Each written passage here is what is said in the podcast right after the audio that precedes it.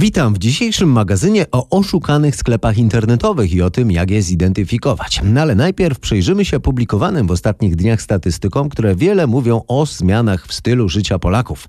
Na początek nasze menu. Okazuje się, że jemy całkiem sporo warzyw i owoców, a jednocześnie coraz częściej korzystamy z oferty gastronomicznej. W szczególności rośnie w Polsce popularność zamawiania jedzenia z dowozem.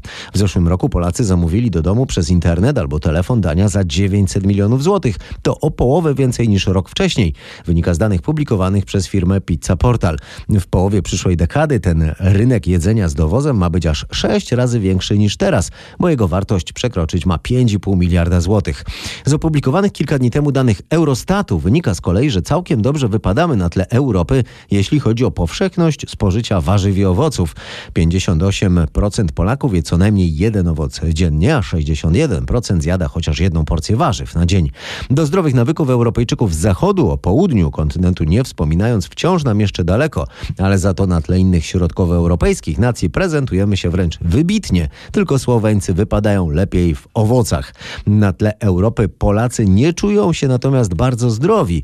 To wniosek z innych badań tej samej Unijnej Agencji Statystycznej. Okazuje się, że tylko Bałtowie i Portugalczycy czują się mniej zdrowi niż Polacy.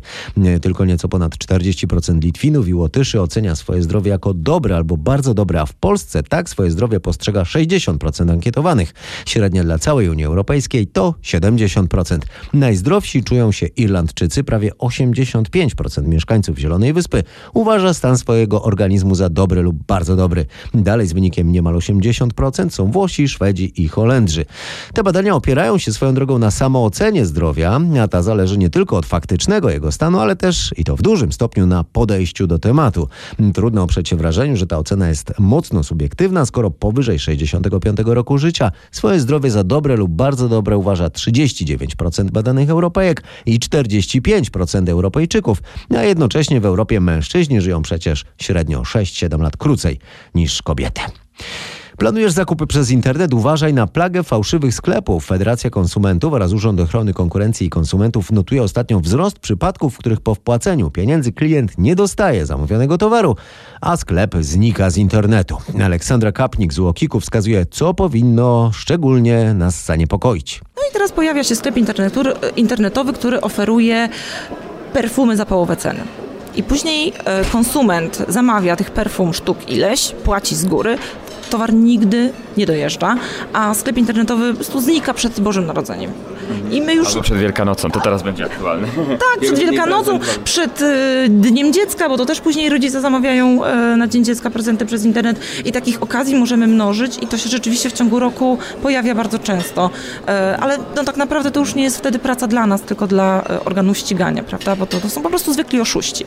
Natomiast jeżeli mówimy o takich przedsiębiorcach uczciwych, którzy prowadzą swój biznes i ten towar wysyłają, to problem później polega właśnie na albo problemie z odstąpieniem, albo na reklamowaniu tego towaru, bo no, to są takie problemy, które bolą. A mówiąc najogólniej, po czym poznać taki sklep? Wchodzimy do internetu, widzimy różne oferty. Czy jest coś, co powinno zwrócić naszą uwagę, że oho, tutaj tutaj może być niedobrze? W pierwszej kolejności musimy zawsze sprawdzić, czy są dane rejestrowe przedsiębiorcy. E, dwa, czy są dane kontaktowe przedsiębiorcy. E, trzy, sprawdzić regulamin. Z kim my dokładnie zawieramy tą umowę, ponieważ bardzo często jest tak, że wydaje nam się, że wchodzimy na sklep internetowy o nazwie X, a później w regulaminie okazuje się, że ten to X to jest tylko pośrednik, a kupujemy od kogoś zupełnie innego, na przykład właśnie od, e, z jakiegoś sklepu z Chin albo jeszcze skądś indziej. Więc e, ważne jest to, żeby właśnie sprawdzić to, e, z kim zawieramy umowę. Czwarta rzecz, bardzo ważna, czytanie opinii w internecie. No bo to powinno dać nam już do myślenia. Jeżeli iluś konsumentów było niezadowolonych, no to jest takie ryzyko, że my również możemy stracić po prostu na tej transakcji. Czy w wyglądzie strony internetowej albo adresie też jest coś, co powinno zwrócić naszą uwagę? No, ostatnio na przykład spotkaliśmy się z adresem sklepu internetowego, który kończył się na e, XYZ. Nie PL, nie com, tylko XYZ. No i dla nas to już było e, zastanawiające, więc na takie, takie proste rzeczy konsumenci jednak powinni zwracać uwagę. E, no i kolejna rzecz, właśnie to, gdzie jest ten przedsiębiorca, przedsiębiorca zarejestrowany. Mimo wszystko, jeżeli e, jest to poza Unią Europejską, to musimy pamiętać, że będzie nam dużo trudniej egzekwować nasze prawa.